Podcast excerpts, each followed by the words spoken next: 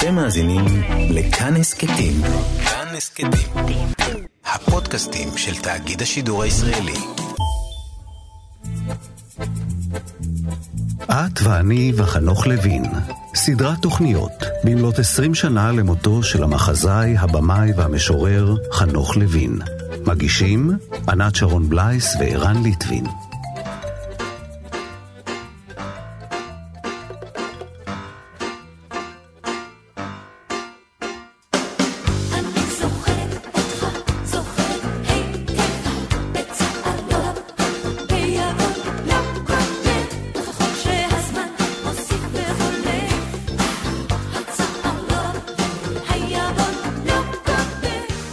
של השעון נשמע מתוך המחזות שלו, ורבותיי, אתם מבזבזים את הזמן על שטויות במקום לחיות.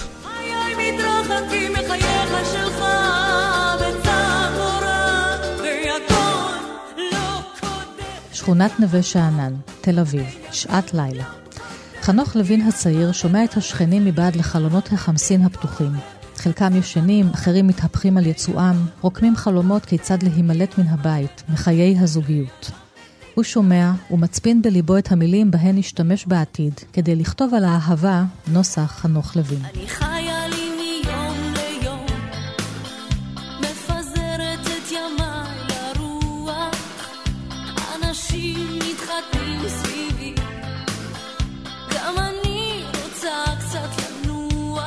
במסגרת הסדרה שעוסקת במוטיב המוות ביצירתו של לוין, נציץ הפעם אל חדרי השינה של גיבוריו, המבקשים למצוא נפש תאומה, או אם להנמיך ציפיות, לזכות באיזה סטוץ מלהיב או משגל סוער, אבל אף אחד מהם אינו מצליח להגשים את החלום, או במילים אחרות, גם הזוגיות על פי לוין פירושה מוות.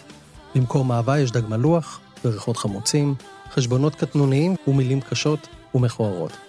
וגם כאשר מישהו מהגיבורים כבר מצליח לצעוד אל החופה, הרי שהחיים ביחד הם למעשה לבד אחד גדול.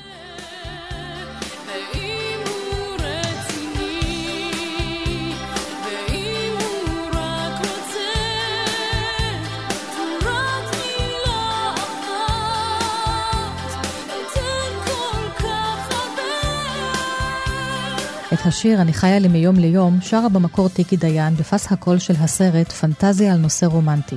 סרט שנעשה בשנת 1977 והשם שלו מעיד על סופו הידוע מראש.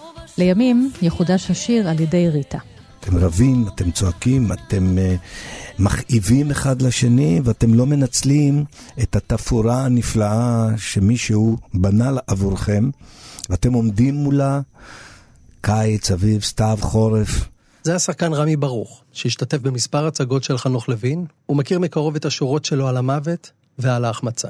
וכל עונה יותר אה, יפה מהשנייה, וכאילו מישהו בנה איזה תפאורה לאושר שלכם, ואתם רק קומו ותחיו. אני אדם אבוד. זו אמת שלא אוכל להתחמק ממנה. אני אבוד. באמצע הלילה מתעורר יונה פופוך, מתבונן באשתו לביבה הישנה לצידו, ומחליט שזהו זה. יונה ולביבה כבר לא לנצח. הוא הופך את המיטה הזוגית וחולם על התחלה חדשה, למרות שאיך לומר זאת בעדינות, לא הוא ולא היא מלבלבים. מכאן והלאה נשמע את טיעוניו של יונה בדבר המוות שבחיים המשותפים, לצד אשתו, הדג המלוח וכוסות התה. ואלה נקראים חיי נישואין? הרי הכל שקר. שקר. אז קודם כל, לנקות את המנח מהשקר. יונה ולביבה עם זוג הגיבורים מן המחזה מלאכת החיים. הפכו אותי עם המיטה. אחד המחזות הידועים ביותר של חנוך לוין, שעלה לראשונה בתיאטרון הבימה בשנת 1989, בכיכובם של ליה קנינג, מוסקו אלקלעי וניסים אזיקרי, ובבימויו של מיקי גורביץ'. הפכו אותי עם המיטה. זה שעמד לצידי הדין מסמיק מתחת לחופה, ועל כל דברי הרב, בקול חנוק מביישנות ענה, כן, כן, הפך אותי עכשיו עם המיטה כמו שופכים אשפה לתוך הפח. את בוכה, ועברו הימים שבחייך נגע אל ליבי. שום דבר יקירה זולת מותך לא ימס את הקרח שבי. יוני רכטר הלחין בשעתו את המוזיקה של המחזה, ואת השורות ששר יונה לאשתו לביבה, הוא ביצע מחדש באלבום "היספיקו החיים", שהוקדש לשיריו של לוין ויצא ב-2014. מלאכת החיים הייתה הצגה שמיקי היה מאוד מעורב בה. אני יודע שהוא גם עבד עם חנוך קצת על הטקסט וביקש ממנו לשנות פה ושם דברים. אני מאוד מאוד אהבתי את ההצגה הזאת, אה, אבל עדיין זה העולם של חנוך. זה השכן הזה שבא בשתיים בלילה, דופק בדלת, אז אומרים, מה אתה רוצה? אומר, לפני 15 שנה שכחתי אצלך כובע. באתי לקחת אותו. כמובן הוא מבקש רשות לחלום על הקרסוליים של אשתו, אז הוא אומר, רק מהברכיים למטה. וכך הלאה, זאת אומרת, וזה על בדידות וזקנה ומוות וגם כל מיני דברים. התזכור חיוך של ילד, קרן שמש, כנף ציפור. כן אזכור כנף ציפור. לא ישוב חיוך הילד, לא ציפור ולא השמש. לא ישוב כל העולם שבו אהבנו כל להיות. לא ישוב, לא ישוב, לא ישוב עוד. אז גם ההופעה של השכן שנועדה להכניס מעט חיוך, לא ממעיטה מן האכזריות היוצאת מפיו של יונה, מן המונולוגים שלו, שלא תמיד נעמו לאוזני הקהל, שכנראה נע בחוסר נוחות ביושבו על הכיסא, שם בחושך. זה מוטיב חוזר, הזוגיות היא מוות, לא אהבה, לא שמחה, מקסימום חשבון בנק, פלוס מוות. לא נשוב, לא נשוב, לא נשוב עוד. יונו בטוח שמעבר ללביבה ממתינים לו החיים. כל מה שהוא צריך לעשות זה לקום, לצאת מן המיטה, אחר כך מן הבית וזהו, החיים יתחילו. זה ממש מעבר לפינה. אלא שבהמשך המחזה ימות החלום עוד לפני שיונה יספיק לפתוח את הדלת. אז טוב, אני אקרא קצת מתוך מלאכת החיים. זה תמיד נדמה לנו שיום אחד מישהו, אנחנו לא חיים לשווא, מישהו יקום ויבין אותנו ויכתוב עלינו. אז גם אז לביבה אומרת, חנוך אומר דרך לביבה, לא, לא, אני לא מאמינה, יקום סופר, אדם אציל נפש, מצפוני, עם נשמה ולב, הוא יבין, הוא יקשיב ויבין, הוא ישמע את כל סיפור חיינו, הוא ימצא מילים נכונות, הוא ייצור מאיתנו משהו יפה, עמוק, מלא חמלה ורגש. הרי עם כל השגיאות, הפגמים, יש בנו עוד חומר ליצירה טובה. או אלוהים, הוא יבין אותנו, הוא יבין, הוא יבין, הוא יבין, הוא יבין. ואז הוא אומר, יונה, הוא כבר מת, אבל הוא היי בהמה, בהמה, איש לא יבין, איש לא יכתוב, אין על מה לכתוב, כולם מפוהקים כבר, לילה טוב.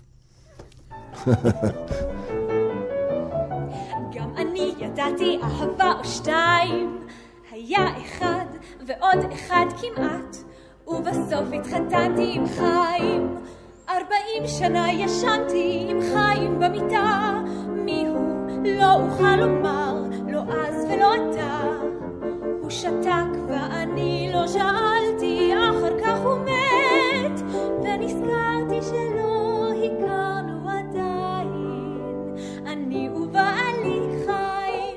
הלו? כן, אני מדבר במקרה עם בבה? בבה מדברת. שלום לך. זהו מקס. מי? מקס? אני לא מכירה שום מקס. מכירה, אבל אולי לא זוכרת.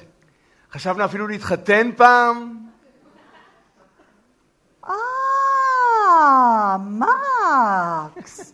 זה באמת מקס? המחזות העוסקים בכישלונה של הזוגיות, של התשוקה, כוללים תמיד קטעים שבהם אנחנו מתגלגלים מצחוק. מדחיקים לשעה קלה את הבוקס בבטן שנמצא בין השורות.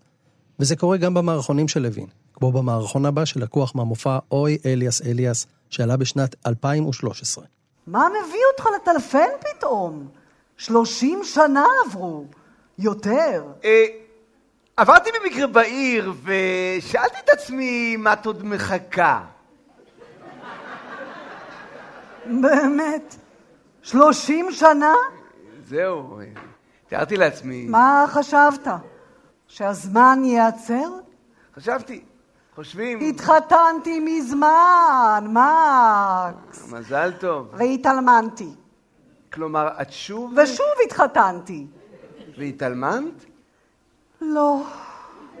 השחקנית ליליאן ברטו, אלמנתו של לוין, ודרור קרן, ביצעו את המערכון לאחר 30 שנה, שאפשר למצוא גם בו את הסיפור המשפחתי של חנוך לוין. אני נזכרת בסיפור של חנוך על אימא שלו, שכנה שגרה מולם, אה, יום אחד, שנים אחרי שאימא שלו התאלמנה, התאלמנה גם.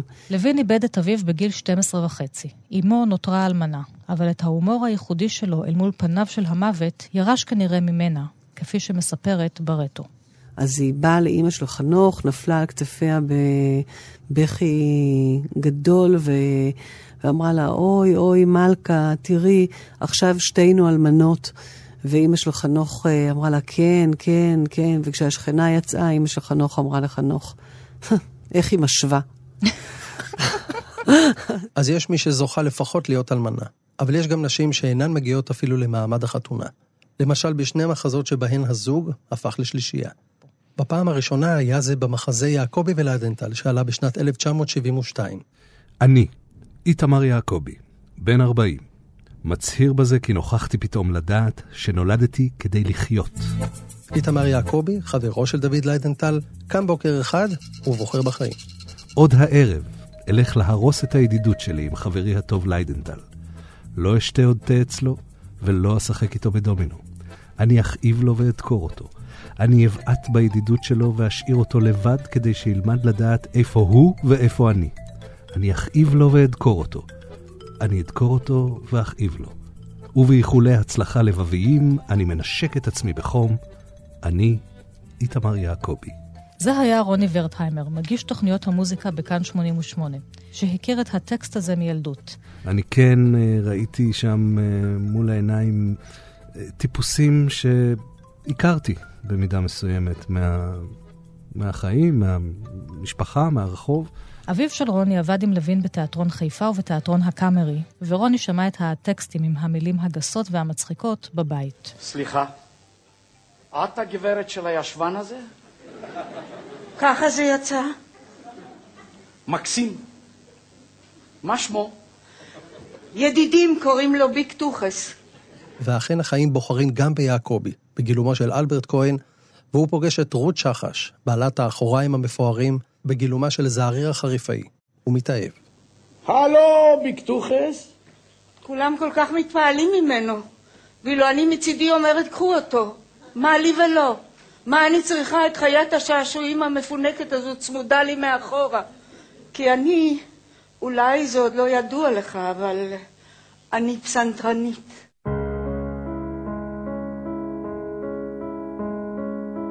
האחוריים של רות שחש מונעים ממנה להפוך לפסנתרנית, והיא מסתפקת בחתונה. פסנתרנית, ככה ש big טוחס הוא לא בדיוק לאטמוספירה שלי. הוא תמיד מושך אותי למטה, ואילו אני רוצה למעלה עם הצלילים שלי, אם אתה מבין למה אני מתכוונת. ליידנטל, החבר הנטוש, מציע עצמו בתור שי כלולות כדי להיות קרוב לזוג הצעיר, שהופך לשלישייה מוזרה.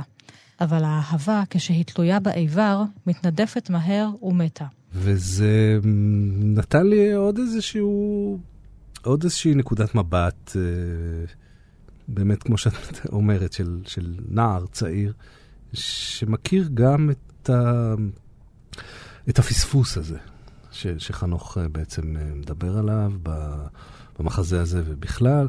רוני ורטהיימר התאהב במחזה הזה, ולימים, כשלמד משחק בבית צבי, התעקש להעלות את ההצגה הזאת כתרגיל במסגרת לימודי המשחק. לכיסא הבמאי הוזמנה לא אחרת מאשר רות שחש המקורית. בהצגה, בעבודה עצמה על, על יעקבי וליידנטל, כשזעריר החריפאי ביימה אותנו, היא בפירוש לימדה אותנו את הטון הנכון, את המנגינה הנכונה, ולקחה ביחד עם זה את, ה... את זה שהיינו שלושה שחקנים צעירים, ונתנה לזה גם ביטוי, ויותר במראה, יותר באיך שהיינו לבושים, ו... וזה נתן איזושהי רעננות לטקסט, ויחד עם זה עדיין נשאר אותו, אותו יעקבי, אותו ליידנטל ואותו ייאוש קיומי, שמתבטא בעיניי בצורה מושלמת במונולוג הסיום של ליידנטל. וככה עובר הזמן, אביב וקיץ, וסתיו וחורף, פריחות ושלחות. וכל עונה כל כך מתאימה לחיות בה, כאילו הכין לך מישהו ציור רקע נהדר לאושר שלך, ועכשיו רק קום ואהיה מאושר. אבל אתה עומד מאובן, לא עושה כלום, שקוע בצער שלך, דוחה הכל למחר. ובינתיים הזמן עובר, ואתה יודע שאתה מחמיץ. ועם תחושה מרה של בזבוז וחרטה, אתה עומד ומסתכל ומסתכל ומסתכל ולא עושה כלום.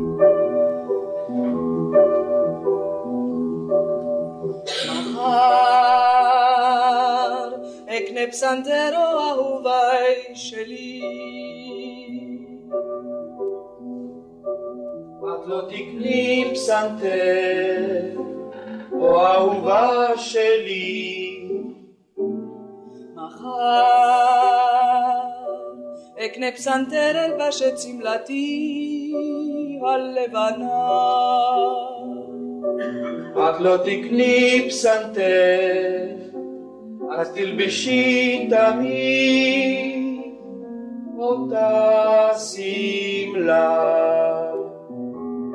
החיים כרוכים ביחד עם המוות, המוות הוא לא ניתן uh, להרחקה, ולכן גם סיום של יחסים זה סוג של מוות אחד.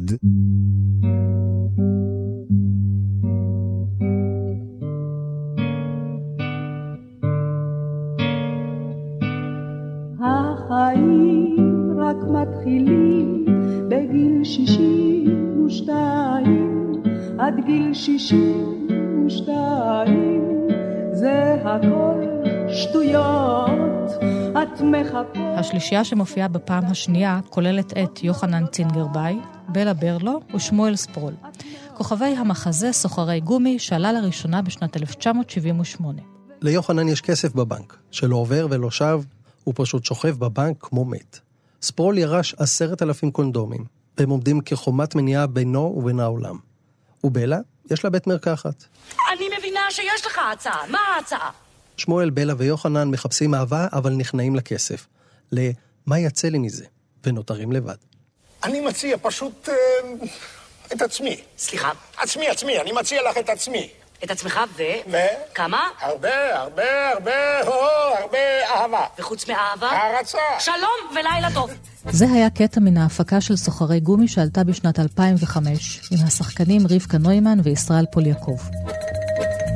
המחזה על אהבה וגומי נפתח בבית הקברות. ספרול מדבר על הקונדומים תוך כדי אמירת קדיש על אביו, שהוריש לו את ההצהרה הזאת. בהמשך הוא ישוב לבית הקברות ויספר לנו על החיים שם. שוב, זו דוגמה פנטסטית למכשיר התיאטרוני של לוין. זאת אומרת, לקחת בית קברות, שזה הדבר האחרון שגורם לצחוק אצל מישהו. אבל מרגע שעומד שחקן על במה מול כאילו בית קברות, כי תפאורה, אז כל אחד יקשיב לטקסט הזה ויחליט מה הוא עושה עם זה, צוחק או בוכה. זה שוב השחקן רמי ברוך. ערב יורד על בית הקברות, הערב הראשון שלי. כל האלמנות, הקברנים, החזנים הלכו. הציפורים כבר ישנות, שקט, דומיה. שורות שורות אנחנו שוכבים כמו ילדים בקייטנה, מיטה ליד מיטה, מתלחשים בחושך לאחר כיבוי אורות. מה נשמע בחוץ? שואלים הוותיקים. כמה היום הדולר? אני מספר להם כמה הדולר. ואיך חיי עולם הבא, אני שואל? אין, מגחכים הוותיקים בפה מלא עפר. אין חיי עולם הבא. ויש פה טקסטים אה, גם מופלאים על תיאטרון ועל, אה, ועל אומנות ועל המוות. אה, זאת שוב השחקנית ליליאן ברטו, שאחד החלומות שלה הוא לשחק את התפקיד של בלה ברלו, הרוקחת חובבת התיאטרון, שנותרת לבסוף לבדה, בלי אהבה, בלי כסף, בלי קונדומים. אבל יש פה את הנושא הזה של לא לגעת. נכון. זה... כי גם יש פה מחזה שהליבה שלו היא האמצעי מניעה, וגם יש פה אנשים שרוצים לגעת ולא נוגעים. כן, נכון. אבל גם יש כמיהה שכל כן. הדברים, גם לפעמים אתה רוצה שהם לא ייגעו בך, והלוואי שהם לא היו נוגעים בך. שזה מוטיב כן. חוזר בהרבה נכון. מחזות שלו. נכון. וגם בחיים שלנו. כי כמה זמן האדם כבר חי פה בעולם הזה, וכמה מתוך זה בכלל עומד לו. במחזה הזה יש שני מונולוגים של בלה ברלו שעוסקים בתיאטרון. האחד נאמר כשהגיבורים בשנות ה-40 שלהם, והשני בסיומה של ההצגה, כשהם כבר בני 60. המונולוגים יוצרים למעשה תיאטרון בתוך תיאטרון. מוטיב חוזר אצל חנוך לוין, שביקש לשחק עם הקהל וגם עם השחקנים. לתעתע בהם ולתעתע בנו. האם מה שאנחנו רואים מתרחש רק שם על הבמה, רחוק, או שזה דווקא קרוב יותר? זה כאן, זה החיים שלי, שלנו. אז המערכה הראשונה, כשהדמויות הן בנות 40, אה, מסתיימת במונולוג ג'י כזה. אה, הרגע הזה בתיאטרון, כשהאור באולם כבר כבה, והאור על המסך עוד לא נדלק, והקהל יושב בחושך ומחכה בדומייה. כל הציפיות, כל החלומות של אלף איש מרוכזים בנקודה אחת באפלה שממול. יש לי הרגשה שכל חיי אני חיה ברגע הזה. מחכה בחושך, ותכף ייפתח המסך. הבמה תוצף באור מסנוור, וחיים ססגוניים יתחילו לזרום מול פניי. כן, תכף יתחילו לזרוח כאן חיים ססגוניים, חיים נפלאים מרהיבי עין, שכדוגמתם עוד לא ראינו מעולם. כמה זמן אפשר כך במתיקות של הירח, עם הזנב בין הרגליים, לחכות לנס. כמה ישבנים חולפים כל לילה הרחריח, כמה זמן אפשר כך לחפש. לוין כתב מחזות רבים שבהם העיסוק במהות התיאטרון היא חלק מהמחזה עצמו, מהעלילה. הוא לא כתב מחזות כמוצר בידורי, אלא שב וביקש לומר לצופים כי הגבול בין החיים והתיאטרון הוא דק מן הדק. והמחזה מסתיים כן. ב... כשהדמויות עוברות 20 שנה קדימה והן בנות 60, ובלה ברלו אומרת, כמו הרגע ההוא אז בקומדיה, לפני 20 שנה, כשהאור באולם כבר כבה, והאור על המסך עוד לא נדלק, ואנחנו ישבנו בחושך וחיכינו בדומייה, כל הציפיות, כל החלומות מרוכזים בנקודה אחת באפלה שממול. ואז נפתח מסך ישן בחריקה, אור צהבהב קלוש עלה על הבמה, ושלושה אנשים מסכנים עמדו על הקרשים למעלה עם קרטון וסמרטוטים, וטחנו לנו שם במשך שעתיים ארוכות את החיים שלנו, כאילו יש שם משהו שאנחנו לא יודעים. שזה מין סיום כזה שאומר, זה התיאטרון בתוך התיאטרון, שחוזר נכון. הרבה פעמים אצל לוי. זאת אומרת, הסתכלתם עלינו, ועכשיו אני מסתכלת על עצמי, אבל הקהל תסתכלו, זה גם אתם. נכון.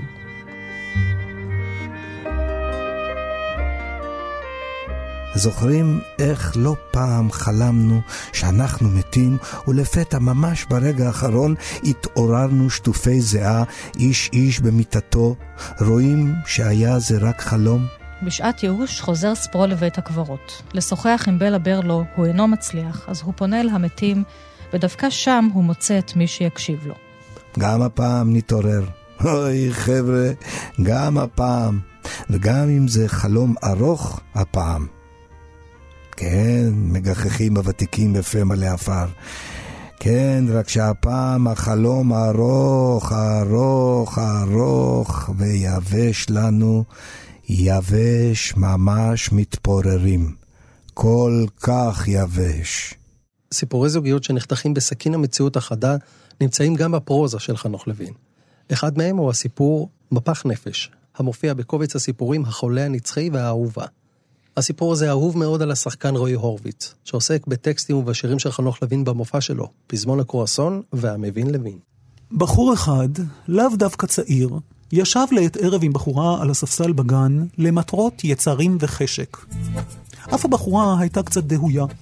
ניכר בה שהיה לה פעם מעט מאוד חן, והחן נגמר. אמנם עוררה בו בבחור איזה חשק, אך החשק הזה נבע מעצם היותה אישה, מעצם המעמד בגן לפאתי הים, והיה זה חשק עקרוני כללי, חבל היה לו לבחור על הערב המקסים הזה, על יפי הטבע הרענן והצעיר תמיד, המשמש בדמיוננו כרקע לנשים כל כך מלהיבות, בעוד שכאן הוא מתבזבז על נתחי בשר טפל, משומר. איזה זיכרון ביוגרפי נאה להתגדר בפני חבריו יוותר לו מן הבילוי הזה? קר ומאוכזב ישב הבחור והשפיל את מבטו, ולפתע הביט בה מן הצד. היא ישבה והסתכלה נכחה, צדודית פניה מופנית אליו. וכמו שקורה אצל נשים מסוימות חסרות חן, אשר לעתים רחוקות מזוויות מסוימות נדירות ובאור מסוים מאוד, הן מקבלות לרגע קט ארשת מתוקה, רגע קט והמתיקות נגוזה, כך גם אתה. באור הכחלחל המועט שבא מן הירח על הים, ניסח עליה לרגע מן קסם, והבחור עצם את עיניו כדי לזכור ולשמר בדמיונו את הקסם הזה, וקרב את שפתיו לשפתיה, ונשק לה. שפתיה היו צוננות כשפתיו שלו, ולמגען חש כאילו נשק מלפפון.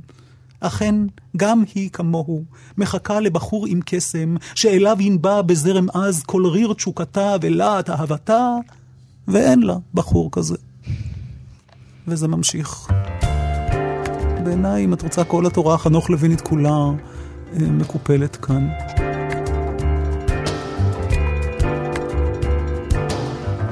ליד הספסל הזה הייתה לי פעם פרידה וגם מול התחנה הזאת הייתה לי פעם פרידה לפעמים ברפרוף שפתיים, לפעמים בקיפאון סלידה ובתוך בטני תמיד גולת מתכת כבדה.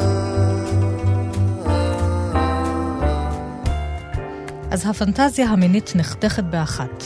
לוין גדע מתוך המיניות את מרכיבי העונג והאינטימיות.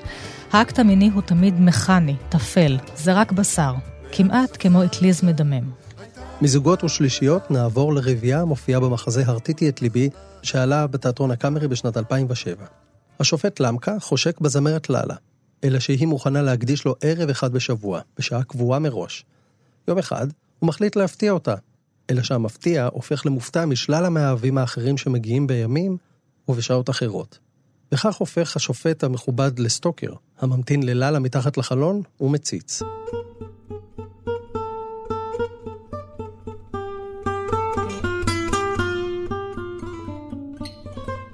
מול לאלה ולמקה, אנשי התשוקה והתנועה, ניצב זוג ביתי וסטטי. אדון פשוניאק, שנשוי למלכת כוסות התה, ככה ככה, וחי את חייו נטולי ההפתעות. רציתי את ליבי, זה מחזה ששואל שאלה ענקית על הקיום שלנו. האם כאשר האדם משתוקק הוא במצב פתולוגי, או שמא כאשר הוא הפסיק להשתוקק? איפה פתולוגיה ואיפה הנורמלי? ולוין משרטט לנו שני אב טיפוסים. אחד זה השופט למקה, והשני זה פשוניאק.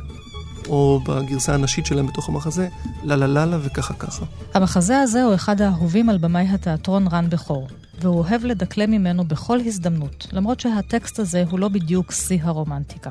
הוא הולך לחשוף לנו מה זה מנגנון תשוקה ומתחיל לשרטט אותו. את מנגנון הש... התשוקה ומראה את העליבות של מנגנון התשוקה. ואם חשבנו לרגע שהתשוקה היא דבר מתפרץ, אימפולסיבי, מקרי, אנחנו הולכים לחיות בחיים מסודרים של צפייה מתחת לחלון. אוי מנגינה ישנה עצובה, מי שחי זקוק לאהבה. מול המנגנון התשוקה, או אף טיפוס אחד של, של טיפוס אנושי שמשתוקק כל הזמן, עומד מולו מי שחייו צמיגיים, על פי המחזה. כן, מין נכון. צמיג מתמשך של מגשי תה אינסופיים. ואנחנו שואלים את עצמנו, איפה אנחנו רוצים לחיות? אוי מנגינה ישנה עצובה מי שחי זקוק לקצת חיבה ומי שאין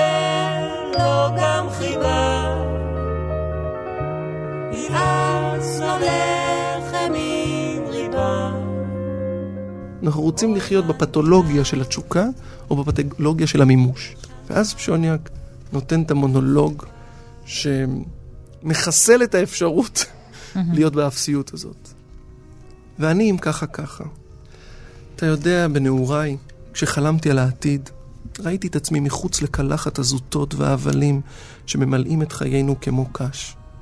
ראיתי את עצמי יושב ליד שולחן לאור מנורה קטנה וחושב. או מקשיב לקולו של מישהו, מישהו זקן וגלמוד ששוטח את טענותיו וזקוק לעזרתי. להקשיב לו, להבין אותו, לשמוע מישהו באמת באמת, ומין הרגשה טובה הייתה מציפה אותי, של פיוס ואחווה, ושלא חייתי לשווא. כלום לא יצא מזה. אותן זוטות ואותם הבלים, כל יום מימי חיי. יום אחד פשונק מחליט לעשות מעשה יונה פופוך, לקום ולברוח. יונה לא הצליח, פשונק דווקא מצליח, אבל רק לשעה קלה. ככה ככה, אותה גילמה בהצגה השחקנית ג'טה מונטה, באה להחזיר אותו הביתה. שרניאק, קח את המזוודה ובוא הביתה. אני רוצה להגיד לך משהו, פשוניאק. אם אתה יכול ככה פשוט ישר אחרי החופה לקום וללכת, כנראה שטעיתי, טעיתי בכל השיקולים שלי. עברו 26 שנה מהחופה. 26 שנה וישר בורחים? איזה ייאוש, איזו תפלות, לחזור לתה של ככה ככה. תה ושוב תה ושוב תה, אלוהים אדירים. לאחר שבראת את כל הנחלים והמעיינות, הנהרות והאגמים, הימים והאוקיינוסים, איך הצלחת לברוא את האוקיינוס האדיר מכל, אוקיינוס התה של ככה ככה. יש לי איזשהו סיכום שיחה הזאת מתוך אבות ישורון דווקא, משיר של אבות ישורון, שמסתיים במילים, אני מעדיף את החיים שבמוות על המוות שבחיים.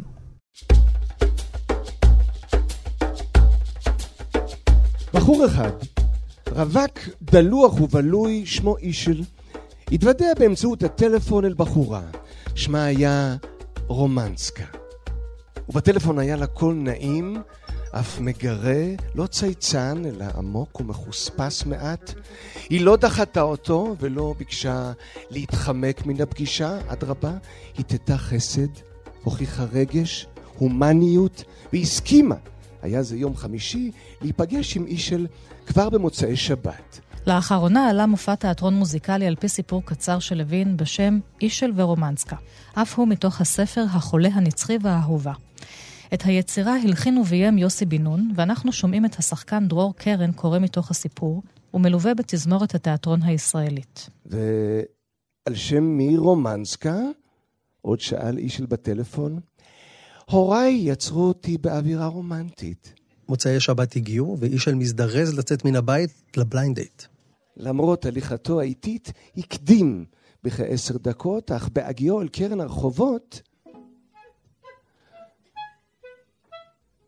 כבר ראה בחורה אחת עומדת בסמוך לחלון ראווה, והיא מסתכלת לעברו, וחיוך קטן, מהוסס של שאלה עולה על שפתיה, כשואלת בלי קול, אתה? בבת אחת, כמו במטה קסמים, התנדפו כל ריחות התמרוקים והמשחות, גל אדיר של זיעה שטף את אישל ועפף אותו בצחנה עזה. אכן, מפח נפש שכזה, התמוטטות כללית. זה זוג צעיר, בריא, לא הולך למות, ואוכל את כל, ה... לא אגיד מילה לא יפה, אבל את כל, מה, את כל הדברים הלא טובים שהחיים מציעים לנו. הוא כותב את זה כמובן לא על הזוג הזה, הוא כותב את זה על כולנו. זהו המלחין יוסי בן נון, שחלם להפוך את הטקסט הזה ליצירה בימתית במשך שנים רבות, עד שהוא מצא את פס הקול המתאר את גיבורי מפח הנפש הנוסף בכתיבתו של לוין. הוא גם אומר, וגם הסוף שלנו, מה יש לנו בבית הקברות? איש של רומנסקה, איש של רומנסקה, איש של רומנסקה, שוכבים, לא מסופקים, מתוסכלים מהחיים, וממשיכים את אותו דבר במוות. ועוד רגע, משקבעו כל האורות בנפש אישל, כיבתה רומנסקה גם את אורותיה שלה. ונסתרר חושך. מה שהוא כתב הוא לא רק מבריק אה, אה, ספרותית, אלא הוא גם לא נותן לשלדים להיות בארון. כל השלדים בחוץ. תתמודדו עם השלדים. אישל, שיש לציין כי אינו מתנהג בנדיבות ואדיבות, נאלץ לבלות עם רומנסקה. אבל במקום הפנטזיה על מסעדה רומנטית, היא זוכה בשתי מנות פלאפל, והוא זוכה בריחות שפולטים אחוריה ופיה. וכך תם לו הפרק הרומנטי בסיפורם המשותף של אישל ורומנסקה. כה קצר היה הפרק. למעשה, אף לא נפחה בו רוח חיים.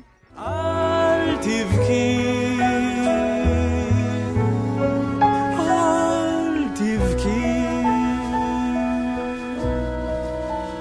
בסופו של דבר אישל ורומנסקה נפרדים, וכל אחד מהם פונה למסעדה שבה מוגש הדג המלוח החביב עליו להתנחם מעט. אלא שמתברר כי זאת אותה המסעדה. רגע לפני שאישל שוב מכלה את זעמו ברומנסקה, היא שולפת לפניו תצלום ילדות שלה ומושיטה לו. והנה כאילו התרחש נס, והלב נחמץ. התצלום של הילד לפני האגו, אה, לפני כל מהלך החיים המאוס, לפני כל הדברים האלה, הוא הדבר האמיתי. לכן היא מראה לו את התצלום, כי הוא שואל, מי את בכלל? כן. והיא מוציאה את התצלום ואומרת, זאת אני. ואז גם הוא אומר... זאת המהות, הילדה כן, הזאת, נכון, לפני שהיא זה אני הטהורה. ואז כשהוא חושב, הוא אומר, גם לי יש תצלום כזה.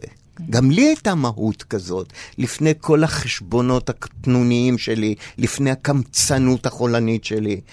ו... אה, ופתאום... וזה זה מת, מה שהיה בתצלום מת. כן. הסיפור של אישל ורומנסקה מסתיים עם תצלומי ילדות, שלכאורה מנסים להפיח חיים באהבה הבלתי אפשרית, אבל למעשה מעידים בסופו של דבר על מה שהיה ואיננו עוד. כן, זה לא, זה לא יחזור, למרות שבדמיונו כולם מוציאים מהחלונות את התצלומים שלהם כשהם היו בני שנה. אבל זה הפנטזיה, זה לא באמת. באמת זה הדג מלוח. ההחמצה בכתיבה של לוין היא דטרמיניסטית, גם כאשר מדובר בשני אנשים צעירים, שאפילו לא החלו במלאכת החיים, כמו יונה ולביבה. אני ילד בעיגול אור, לא באתי להרבה זמן, חיבוק אחד או שניים, שן חלב, ואני חולם. זה שיר שיוני רכטר הלחין להפקה הראשונה של מלאכת החיים, והוא שב וביצע אותו באלבום היספיקו החיים, שיצא בשנת 2014. משאיר יבשה בין העלים מרעיד לב. הנה החיים, הנה הפנטזיה, ובסוף חוזרים הביתה, או נשארים לבד, או מתים. כפי שקרה ליונה בסיום המחזה. קום, יונה. הבוקר מתקרב. שער בית המלאכה הישן של חיינו נפתח בחריקה.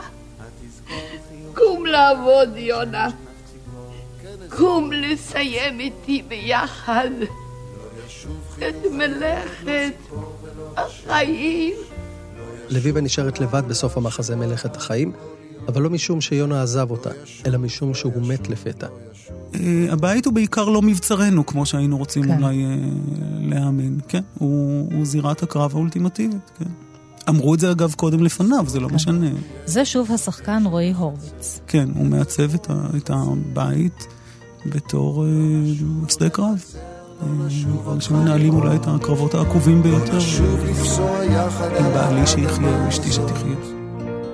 נשוב, לא נשוב, לא נשוב עוד.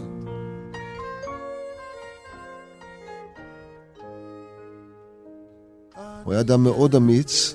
זה שוב המוזיקאי יוני רכטר.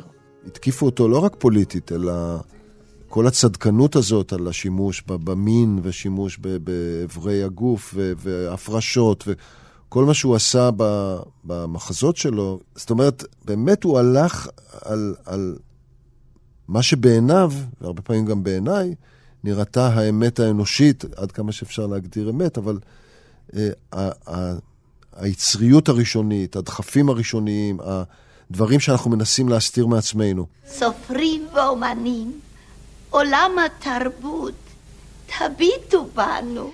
ואז יונה מתחיל לדבר ממרום מותו, ובפיו האירוניה העצמית של לוין. כאן אנחנו שומעים את מוסקו אלקלעי, ששיחק בהפקה הראשונה של ההצגה. לכו לעזאזל, אומר הסופר, אתם עם החיים המצחיקים שלכם. למרות שגם החיים שלו, של הסופר, לא פחות מגוחכים.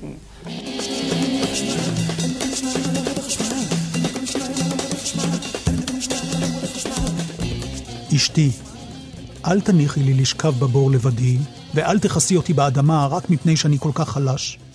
אמנם בית הקברות מלא בעלים מתים, אך האם יש צורך שתלמדי דווקא מאלמנות מנוולות אחרות? אנא, פתחי בנוהג חדש. אני קורא לך ולכל האלמנות האחרות להפסיק לקבור אותנו, ונא להתחיל בי. אין זה נאה ועוד במעמד זרים שתשפכי עליי אדמה כשאני נטול כוח לגמרי. תודי שזה מגוחך ולא אופייני לאישה נאמנה. אשתי, מדוע אינך מפסיקה את הקבורה, שולחת את כל המלווים לבתיהם, מרימה אותי בזרועותייך ונושאת אותי בחזרה הביתה? לוין לא עוזב את המוות גם בשעה שהאדם כבר מת.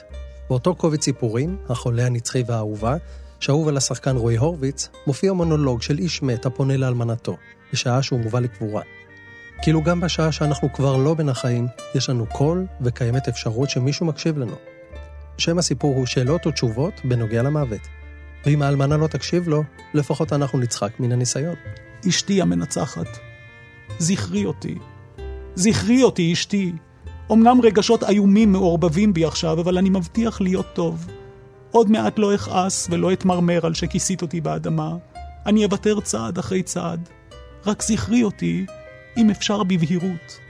בעצב מתקבל על הדעת, על רקע נאה ומוסרי, ואם אפשר, כשאת לבדך, נסי לזכור גם את מגע ידי ואת לחישותיי. ובעיקר, זכרי אותי לעתים קרובות. ואם במקרה לא יצא לך לזכור, לפחות חושי שחסר לך משהו. שלך, באהבה אין קץ, בעלך הקבור. וכשמיששנו זה זו לראשונה כבר ניחש הלב הכל סחורה פשוטה מחומר זול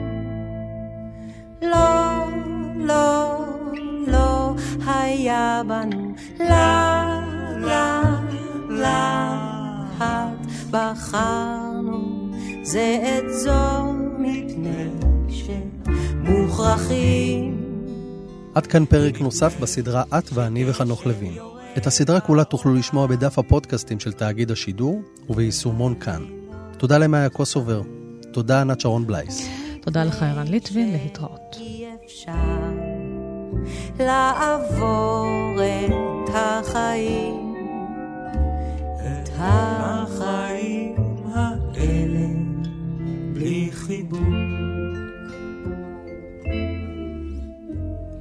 לא, לא, לא, לה, לה, לה, החיים